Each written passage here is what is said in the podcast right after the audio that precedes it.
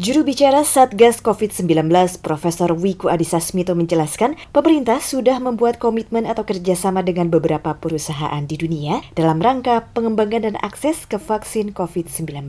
Pertama katanya, kerjasama antara PT Bio Farma dengan perusahaan asal Tiongkok, Sinovac Biotech Ltd. Kedua, kerjasama Indonesia dengan perusahaan yang bernama Sinopharm yang sudah memasuki uji klinis tahap ketiga. Uji klinis tersebut dilakukan oleh China National Biotech Group yang bekerja sama dengan aliansi Uni Emirat Arab dengan perusahaan yang disebut G44 Healthcare yang berbasis di Abu Dhabi. Sinopharm memilih UEA untuk uji klinis fase 3 karena di sana ada 85 kebangsaan di mana uji klinis fase 3 ini sedang dilakukan sehingga diharapkan keterwakilan dari berbagai etnis bangsa di dunia dapat terwakili di situ. Ketiga ujar Wiku, pemerintah juga tengah berdiskusi dengan perusahaan Tiongkok yang bernama CanSino. Ia menjelaskan perusahaan tersebut merupakan perusahaan pertama penerima paten teknologi pembuatan vaksin. Banyak pihak yang mempertanyakan langkah pemerintah yang telah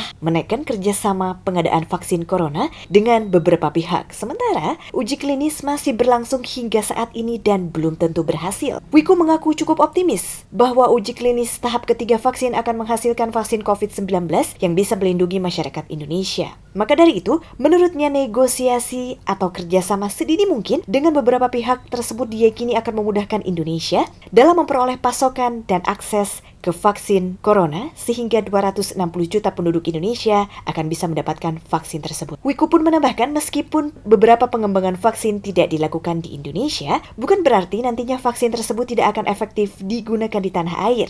Pemerintah kata Wiku akan memastikan keamanan dan keefektifan vaksin tersebut sebelum dilakukan vaksinasi perdana kepada masyarakat. Apabila strain virus di Cina berbeda dengan Indonesia, ini pasti akan kita buktikan secara bersama-sama para ilmuwan di Indonesia pasti akan melakukan kepastian tentang virus yang beredar di Indonesia apakah berbeda dengan virus yang beredar di negeri asal di mana vaksin ini dikembangkan. Dan tentunya tidak serta-merta strainnya berbeda, vaksinnya terus tidak efektif. Lebih lanjut, Wiku mengakui bahwa kapasitas pemerintah untuk melakukan tes COVID-19 masih sangat rendah. Berdasarkan standar dari Organisasi Kesehatan Dunia, pemeriksaan yang harus dilakukan idealnya adalah satu per seribu penduduk setiap minggunya. Dijelaskannya, jumlah terbanyak pemeriksaan COVID-19 di Indonesia selama Juli-Agustus berada pada kisaran 95.463 tes pada tanggal 17 hingga 23 Agustus. Untuk penduduk Indonesia yang 260